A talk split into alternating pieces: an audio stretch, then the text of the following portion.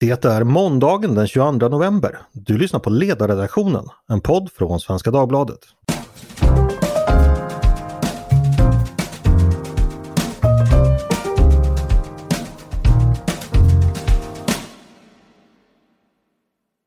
Varmt välkomna ska ni vara. Det sker oroande saker i öster. Vi har nåtts av uppgifter om en rysk militär uppbyggnad vid Ukrainas gräns. 100 000 ryska soldater ska befinna sig där just nu och både regeringen i Kiev och västliga källor varnar för att Ryssland förbereder en invasion någon gång under vintern. Vad skulle det innebära?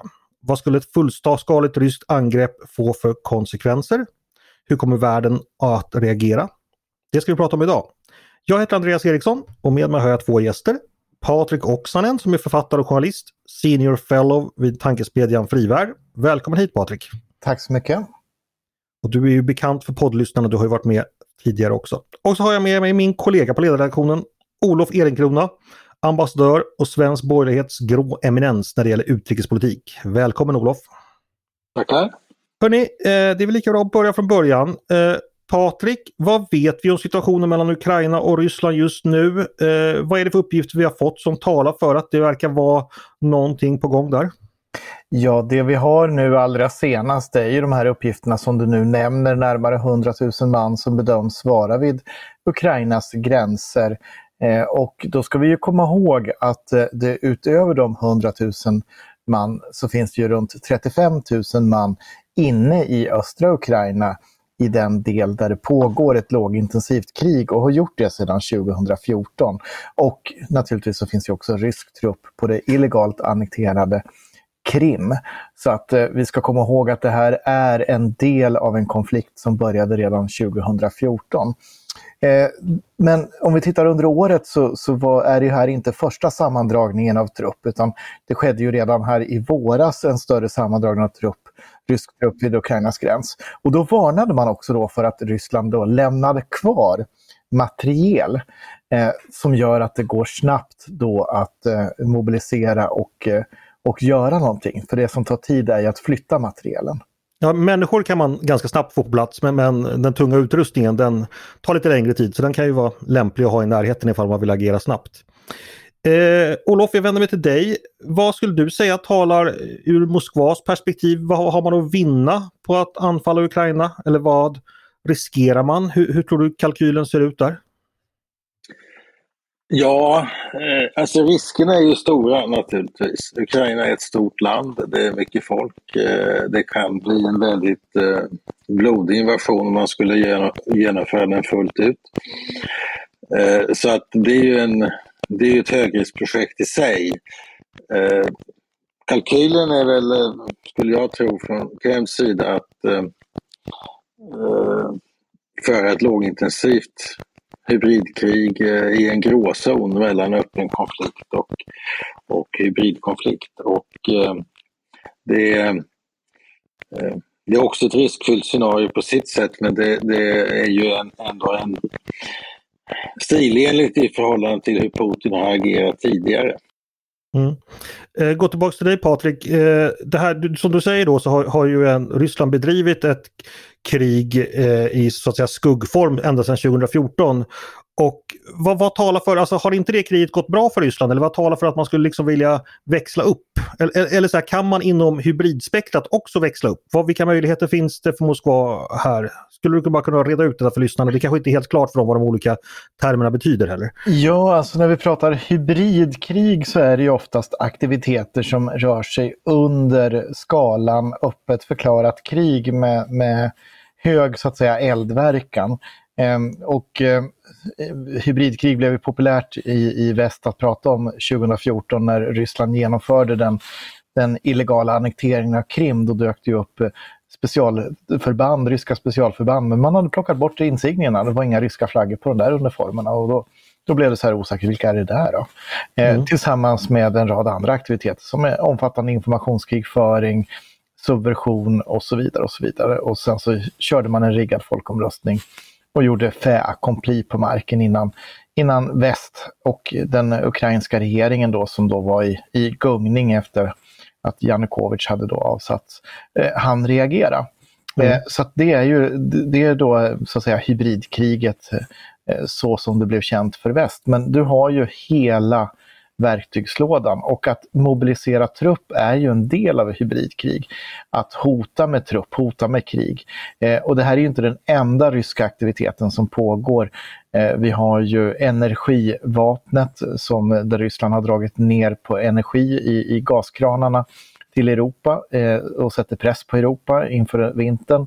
Vi har flyktingarna vid Belarus gräns och vi har andra aktiviteter i, i, i närområdet som, som påverkar, till exempel i, i i eh, Moldavien och, och eh, då den i, nere på Balkan och så vidare och så vidare som också finns i helhetsbilden.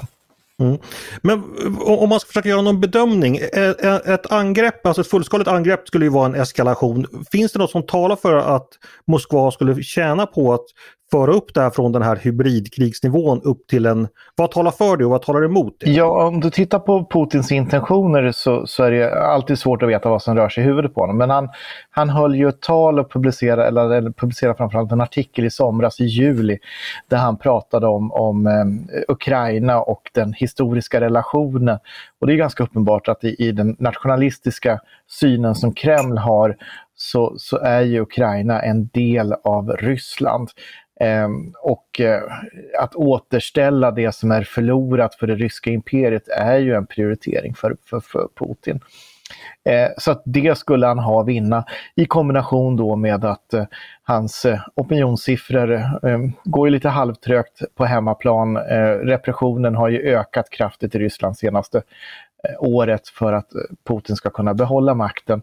Och det är klart att avledande manövrar då skulle behövas. Men det är precis som Olof Ehrenkrona säger, det här är ett väldigt riskabelt spel. Och i det här spelet som vi nu ser så försöker ju då Ukraina och väst höja insatserna för Ryssland så att inte det ska bli attraktivt för Ryssland att göra det här fullskaliga angreppet.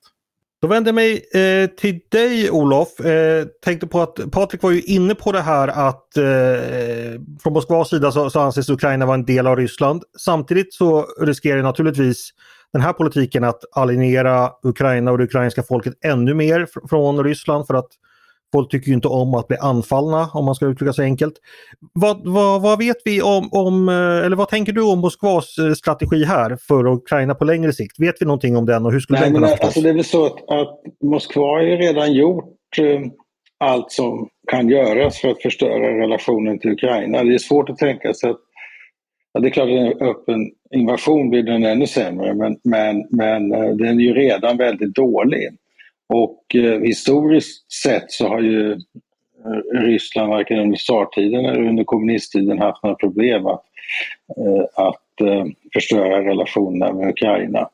Så att eh, även om den här historiska konnotationen är väldigt viktig för Putin så är jag inte säker på att den här spärren längre är så, så hög eller så stark eftersom eh, om man inte får dem frivilligt att acceptera ett samhörighet med Ryssland så, så kan man göra det tvångsvis. Och det är väl det som ligger i kalkylen i så fall.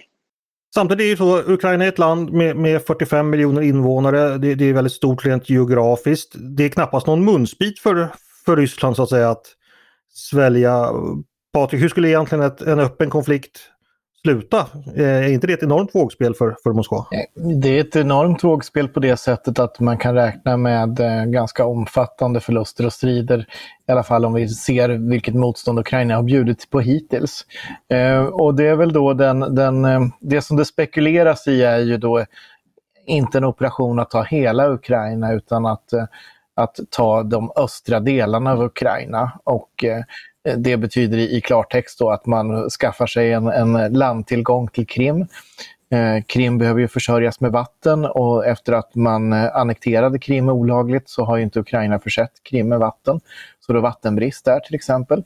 Eh, Odessa är ju strategiskt eh, viktigt och en, en, en, historisk stad också för, för Ryssland. Eh, så då kan man tänka sig att eh, Ryssland försöker då helt enkelt göra Ukraina till ett innanland utan hav. Eh, och eh, sen ansluter då de östra delarna av Ukraina Eh, kanske så långt fram som till, till floden Dnepr där, där huvudstaden Kiev ligger. Men att man lämnar de västliga delarna till att få sköta sig själva då, bli någon slags rump-Ukraina.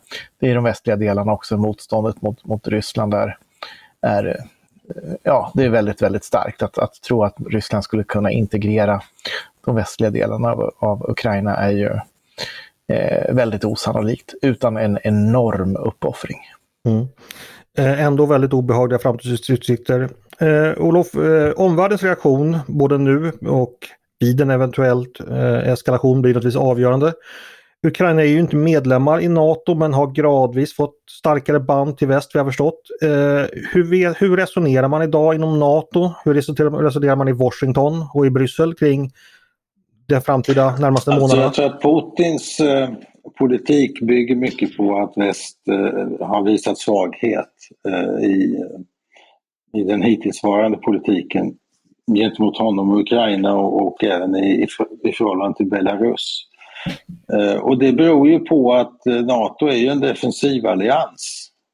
Och eh, eh Putin, använder, Putin har ju bestämt sig för att ha en antagonistisk relation till väst. Det bestämde han sig för redan 2007. Och eh, den har ju blivit mer och mer antagonistisk allt eftersom tiden har gått. Och samtidigt har han skaffat sig ett längre och längre regeringsmandat i, i Kreml. Så att eh, han har en långsiktig politik som går ut på att expandera Ryssland eh, så långt som möjligt tillbaka till de gamla gränserna. Eh, om det är tsarryssland som, som, eh, som hägrar eller om det är Sovjetunionen, det, det vet vi inte. Men, men det är ingen tvekan om att han spekulerar i att väst inte bjuder något effektivt motstånd. Det tror jag är alldeles kristallklart. Putin ser ju sig som en imperieåterställare och vill gärna, tror jag, gå till historien som en av de stora i, i, i rysk historia. Eh, och där är ju hans berömda uttalanden om att eh, 1900-talets största geopolitiska katastrof var Sovjetunionens fall. Men det var ju inte Rysslands första geopolitiska katastrof under 1900-talet utan det var ju eh, då ryska revolutionen, eh, förlusten i första världskriget, ryska inbördeskriget som ledde till bildandet av nya stater som Polen, Baltikum, Finland. Det som Stalin återställde. Och vi ska komma ihåg att under en kort tid var ju faktiskt Ukraina också då självständigt. Mm. Då i den, i den röran av händelser. Olof, vid ett tidigare samtal som vi hade så eh, betonade du Putins eh, opportunism. Att eh, man får, får, förstå honom också så att han tar de chanser som ges honom. Kan, kan du utveckla det lite? Ja, det tycker jag har varit väldigt tydligt. Att han har ju testat och testat och testat och eh, han har tagit de chanser som har funnits att spela en roll och då en destruktiv roll. Det har ju gällt i närområdet men det har ju också gällt i, globalt i Syrien. Och, eh, Eh, sen är det ju så att de här auktoritära ledarna som, som Putin och Xi Jinping, eh, de, eh, de behöver ju inte ha några formella allianser utan de är, har ju gemensamma intressen i kraft av sitt auktoritära eller totalitära ledarskap. Och eh, Putins relation till Kina är ju i den här delen eh, också betydelsefull. Och, och om Washington får fullt upp med att hantera en allt mer antagonistisk relation med Kina så, så är det klart att här ser Putin då möjligheter att, att flytta fram positionerna i Europa. Eh, och eh, hur det här utspelar sig, det, det är i allt väsentligt opportunistiskt. Men jag brukar säga att man ska ändå vara medveten om att Putin är en, en framstående judobrottare och eh, där går ju tekniken ut på att ta motståndarens attack och skicka tillbaks den med lite större styrka. Och det är ju så han har spelat mot väst under lång tid. Jag tror att det är Uffe Elman-Jensen då, Danmarks förra försvars, förlåt, utrikesminister, som har liknat Putin med en hotelltjuv. Eh, I den bemärkelsen att han går och känner på vilka dörrar som är öppna. Och där han är öppna, där det är öppet går han in. Eh, och jag tycker att det är en ganska illustrativ eh, jämförelse i, i, i hur Putin agerar opportunistiskt. Mm. Eh, Patrik, Olof beskrev då att väst har visat svaghet mot Putin och det är det som har fått honom att fortsätta sin aggressiva och expansiva politik. Delar du den bilden och vad behöver i så fall väst ändra för att ja, helt enkelt ändra spelets förutsättningar och inte eh, tillåta Putin vidare aktioner? jag delar helt den bilden som, som Olof har. Det är mm. från talet i, i München 2007 och framåt. Det är bromsstatyn i Estland, det är Georgienkriget, det är Ukraina. Eh, vi, vi ser det liksom nu också med, med händelseutvecklingen i Belarus etc. etc, etc. Eh, väst måste inse att eh, Putin har en, en ett, en plan, en, en, eh, plan kanske är fel att säga, men han har en ambition om att rita om ordningen i Europa och göra det på bekostnad av sådana värderingar som vi inte kan sälja ut. Eh, och eh, vi måste vara betydligt mer realistiska i vad vi kan få ut av samtal med Ryssland. Vi har gjort ett, sätt, ett antal resets eh, i, i Rysslands relationen eller försök till resets. Alla har slutat likadant. Eh, mm det är väl definitionen av, av idioti att upprepa samma handling och hoppas på ett annat utfall gång efter gång efter gång. Eh, och där måste vi helt enkelt sluta med det beteendet. Olof, hur ska väst ändra sig? Här fick Olof svåra problem med ljudet så producenten går in och dubbar hans replik. För det första måste Washington förstå att de kommer inte kunna hantera Kina om de inte hanterar Ryssland. Man måste visa för det kinesiska ledarskapet att det är väldigt dåligt för Ryssland att upprätthålla en sån här antagonistisk relation med väst. Det kostar ekonomiskt och det kostar politiskt och det skapar en instabilitet också i Ryssland. Om man inte visar det för Peking så kommer Peking att följa Putin i spåren mer och mer. Så att det finns en koppling här som är väldigt betydelsefull och jag är bekymrad för att Washington tror att det går att hantera den kinesiska problematiken separat från den ryska. Den kinesiska okay. problematiken är på sitt sätt svårare än den ryska i och med att Kina är en mycket, mycket mäktigare ekonomi. Men eh, man måste vara på det klara med att man kommer inte att klara situationen globalt utan att hantera den ryska problematiken. Ja, eh, Patrik, du tar, tar ju Olof upp Peking och, och president Xi eh, Jinping, vad han kommer att göra. Alltså det här är ju en del av ett större spel. Vilken roll spelar uh, Kina i det här? Ja, Kina spelar inte någon aktiv roll i det här men, men upprätthåller ju sina egna intressen eh, både i Europa och, och på andra ställen. Och, och kan man säga då bidrar ju till situationens skakighet genom att upprätthålla just nu ett väldigt högt militärt tryck mot Taiwan med eh, ständiga återkommande kränkningar eh, och, och hotfulla manövrar och, och, och övningar eh, som gör att eh, man inte kan utesluta heller ett, ett kinesiskt angrepp mot Taiwan Eh, de kommande åren. Eh, så att Kina bygger förmåga där och det blir ju då den här splittringen mellan, mellan Europa och eh, eh Asien som, som drabbar USA då. Och eh, den, det som Olof var inne på då, hur, hur Ryssland kan komma att utnyttja det. Mm. Olof, eh, Biden-administrationen har ju nu eh, suttit ett tag. Eh, hur har de hittills agerat i, i sin Rysslandspolitik? Vad vet vi om det?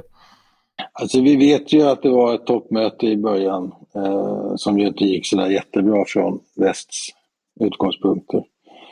Eh, och eh, vi vet ju att problemen har ju tilltagit i förhållande till Kina och det är ju som, precis som Patrik säger att Kina har ju visat på ett, en militär upptrappning av sin militära aggressivitet mot Taiwan som ju naturligtvis måste inge stora bekymmer i, i Washington och i de närliggande huvudstäderna i Tokyo och Seoul också givetvis. Så det är en, en, en, tycker jag, klart försämrad situation sedan Biden-administrationen tillträdde. Men den tog ju då över ett eh, utrikespolitiskt haveri som, som Trump-administrationen hade, hade försatt eh, både USA och NATO i. Och, eh, det som bekymrar mig mycket det är att, då, så att säga, de diplomatiska förmågorna i väst inte, eh, inte har visat sig tillräckliga. Och det har vi ju sett då i utrymningen av Afghanistan som ju inte havererade så mycket militärt som diplomatiskt. Eh, vad, ska, vad, kan man säga då om de europeiska stora spelarna? Jag tänker på Storbritannien eh, men också Frankrike och Tyskland. Eh, vad kan de göra i det här säga, i avsaknad av kanske fullständigt amerikanskt stöd ifall sånt skulle utbli på grund av splittrad amerikansk uppmärksamhet? Olof? Ja, alltså det har vi, vi har ju regeringsskifte i Tyskland och vad det kommer att leda till utrikespolitiskt, det är svårt att säga. Vi har eh, ett stundande presidentval i Frankrike och vi har ju Brexit som har kopplat loss Storbritannien eh, från den in, mest interna, interna säkerhetspolitiska dialogen i Europa. Så det är ju det är ju en del av problembilden. Men det finns en annan del av problembilden som inte är så uppmärksammad men som är ytterligt relevant för Sverige och Finland. Och det är ju att i en eventuell upptrappning till en konflikt mellan NATO och Ryssland eller EU och Ryssland så finns ju Sverige och Finland inte med i den allra innersta dialogen. Vi sitter ju utanför sammanträdesrummen. Och det är alltså hela Europas nordöstra hörn som inte har en representant i de diplomatiska processer som alltid föregår en öppen konflikt.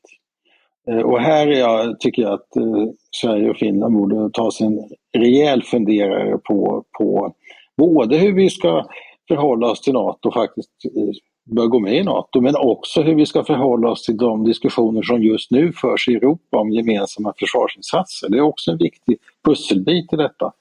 För att ju mer amerikanerna blir upptagna i Asien, desto mindre kraft kommer de kunna lägga på Europa och då måste EU finnas där. Och här finns ju en skillnad mellan Sverige och Finland också, där Sverige är väldigt eh, motsträvigt eh, intresserad av, av europeiska försvarssamarbeten. Medan Finland då, som är Sveriges närmsta allierade, eh, bejakar ehm, eh, den europeiska arenan Eh, Ehm, det är ju, för Finland är det ju också strategiskt val att ha euron som valuta utifrån resonemanget att man är tryggare och säkrare om man har eh, samma valuta som, som eh, de stora länderna i EU. Eh, Medan i Sverige har ju eurofrågan aldrig varit säkerhetspolitisk. Mm. Patrik, du får samma fråga som jag ställde till Olof om, om hur, de, hur Europa eh, agerar, Frankrike, Tyskland, eh, Storbritannien främst och EU som helhet. Vad, vad, finns det att säga om det? Ja, men som helhet så har ju EU eh, och eh, då Frankrike och Tyskland inte agerat tillräckligt kraftfullt i, i hela Ukraina-krisen och, och, hela bilden här mot Ryssland. Eh, däremot så får man väl säga då att, att just nu så är det väl väldigt mycket signaler som man försöker skicka för att avskräcka Ryssland. Eh, jag såg bland annat att Storbritannien hade gjort ett avtal med eh, Ukraina om, om stöd. Eh, vi ser också diskussioner om, om en träningsmission från EU där man utbildar ukrainsk trupp, där, där, Sverige också kan ingå. Att Sverige kan tänkas ingå, det pratade ju Peter Hultqvist om. Och det föranledde ju då ryska ambassaden att köra en, en rejäl eh, gnällspiks-litania på sin Facebook-sida och, eh, och hålla på att älta slaget vid Poltava. Att eh, minsann äventyrliga svenska militärer som utmanar Ryssland i Ukraina, det vet vi ju hur det brukar sluta. Ungefär så, fritt mm. tolkat. Eh, men det var en väldigt anmärkningsvärd litania. Och han hade ett historiskt föredöme. Khrushchev tog ju nämligen upp Poltava också när han var på besök i Sverige och träffade Erlander. Så jag tror det var i tacktalet i Göteborg, i lunchen där, eller middagen, som, som han tog upp det. Eh, och de har älskat att göra det, den här typen av paralleller. Men, men eh, i, i sak förhåller det sig så att det pågår en eskalering av motsättningarna med Ryssland eh, istället för en deeskalering. Eh, och det är är någonting som Sverige och Finland måste förhålla sig till. Och där var ju eh, president Niinistö var ju på besök i Stockholm här 12 november och höll eh, högtidstalet vid Kungliga krigsvetenskapsakademins eh, högtidssammankomst, den 225 i ordningen. Och eh, budskapet från Niinistö var ju eh, larmklockorna fortsätter att ringa. Eh, vi, vi står på randen till en ny tid om vi inte redan har klivit in i den. Eh, och tiderna kommer bara bli svårare och svårare. Så att eh, vi kan väl sammanfatta att budskapet från Finlands president var inte direkt eh, eh, eh, eh, borde inte ha ingett glädje och harmoni i, i svensk politik. Eh, där är vi dock ännu lyckligt bortkopplade från det som händer i världen och lever i vår egen lilla ankdamm. Vi är ju det. Utrikespolitik eh, och säkerhetspolitik har ju inte en jättestor betydelse. Jag kan också nämna som ett litet kuriosum här att de poddar vi gör om utrikespolitik sällan är de mest vällyssnade har jag lagt märke till, utan tvärtom. Det är de som ni inte lyssnar på. Som, ni som lyssnar är en eh, väldigt dedikerad skara. Olof, vad tänker du om det? Att vi pratar så lite om världen utanför Sverige i svensk politik. Hur, hur kan, skulle vi må bra av att diskutera det mer och hur skulle vi i så fall kunna hamna i den situationen att det blir viktigare också för svenska politiker? Och här hände samma sak igen. Vi bör ju framförallt tala mer om hur vi ska förhålla oss till en eskalerande konfliktnivå i närområdet. Och jag tycker ju att de senaste 7-8 årens utrikespolitik har saknat professionalism i närområdet. Och det är ett stort bekymmer. Det är ju inte bra att den utrikespolitik som handlar om närområdet förs från försvarsdepartementet och då via en väldigt ensidig bilateral relation med USA i ett läge där den politiska situationen i USA är väldigt instabil och inte särskilt gynnsam för oss. Eh, vi måste ta tag i de här frågorna själva och ha en offensiv föreställning om vilken roll vi ska spela och kan spela för att skapa mm. förutsättningar för fred och stabilitet i Östersjöområdet. Och det gör vi ju inte just nu. På 90-talet var vi ju väldigt aktiva och gjorde oerhört mycket. De senaste 7-8 åren har vi inte gjort någonting i praktiken utan vi har suttit som förhållandevis stumma beläten som OSSE-ordförande och inte levererat vad jag har kunnat se särskilt mycket konstruktivt. Patrik, vad tänker du Sveriges roll som eh, i Östersjöområdet och att agera med en tydligare röst och tydligare riktning? Är det något du också efterlyser? Ja, amen. Eh, tänkte vi ska ta och runda av. Eh, jag tänkte fråga dig Patrik slutligen bara. Eh, vad ska vi hålla ögonen på nu? Som vanligt när Ryssland är inblandat så kan det ju hända ibland att ögonen hamnar fel för att det på får kommer att lurendrejerier och liknande. Vad är det viktiga i händelseutvecklingen att bevaka nu framöver skulle du säga? Nej, men jag skulle hålla ögonen på, på ryska truppförflyttningar, Eh, Eh, det finns ju uppgifter också som inte är bekräftade vad jag sett i alla fall om att Ryssland har kallat in delar av, av värnpliktiga värnpliktsreserv också i, i det här. Så att eh, hålla ögonen på vad som sker på, på marken och samtidigt vara beredd på att det kan hända någonting eh, helt asymmetriskt, någonting helt annat någon annanstans också. Eh, det är ju en del av, av hybridkrigets dilemma, är ju att eh, angriparen kan ju utnyttja en, en uh, kreativitet som, som, uh, eh, som är väldigt svår att försvara sig mot. Uh, helt enkelt. Mm. Men är det inte, alltså, nu ska jag försöka sluta lite i dur i alla fall, att jämfört med 2014 har vi inte lärt oss en del om, vi kan kanske inte riktigt så oförberedda och naiva som vi var då. Det är i alla fall min upplevelse att när jag pratar runt med folk i olika positioner i offentligheten, att vi, vi har kommit lite framåt. Eller vad tänker du om det? Ja, det är klart att det har hänt saker och ting i vår förståelse för de här frågorna och eh, tittar vi bakåt så, så ser vi att vi har förflyttat oss och vi har gjort saker och, eh, och så. Men vi är inte på den nivå vi borde vara på, varken i, i vårt samhälles organisering, vår totalförsvarsförmåga eh, eller i vår konceptuella mentala beredskap att hantera det som vi inte kan tänka oss. Vi, visst skulle vi kunna tänka oss att kunna hantera samma scenario en gång till, men scenariot kommer inte att se exakt likadant ut. Stort tack för det hörni och tack för att ni kom och eh, pratade med mig, eh, Patrik Oksanen och eh, Olof Ehrenkrona. Innan vi tackar för idag så skulle jag passa på att tipsa om en annan podd på Svenska Dagbladet.